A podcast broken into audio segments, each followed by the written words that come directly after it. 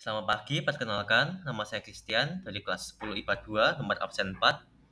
Pada kesempatan kali ini saya akan mengulas salah satu video pertunjukan alat musik tradisional dan alat musik tradisional yang saya pilih adalah sasando. Sasando adalah alat musik yang berasal dari Nusa Tenggara Timur. Cara memainkannya seperti gitar, tapi lebih rumit karena pemain harus menggunakan kedua tangan untuk memetik sinar. Video yang saya tonton itu menunjukkan satu orang pemain sasando yang memainkan musik seorang diri dan diiringi oleh nyanyinya sendiri.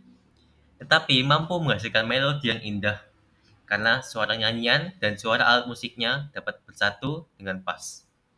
Demikian yang dapat saya sampaikan. Terima kasih.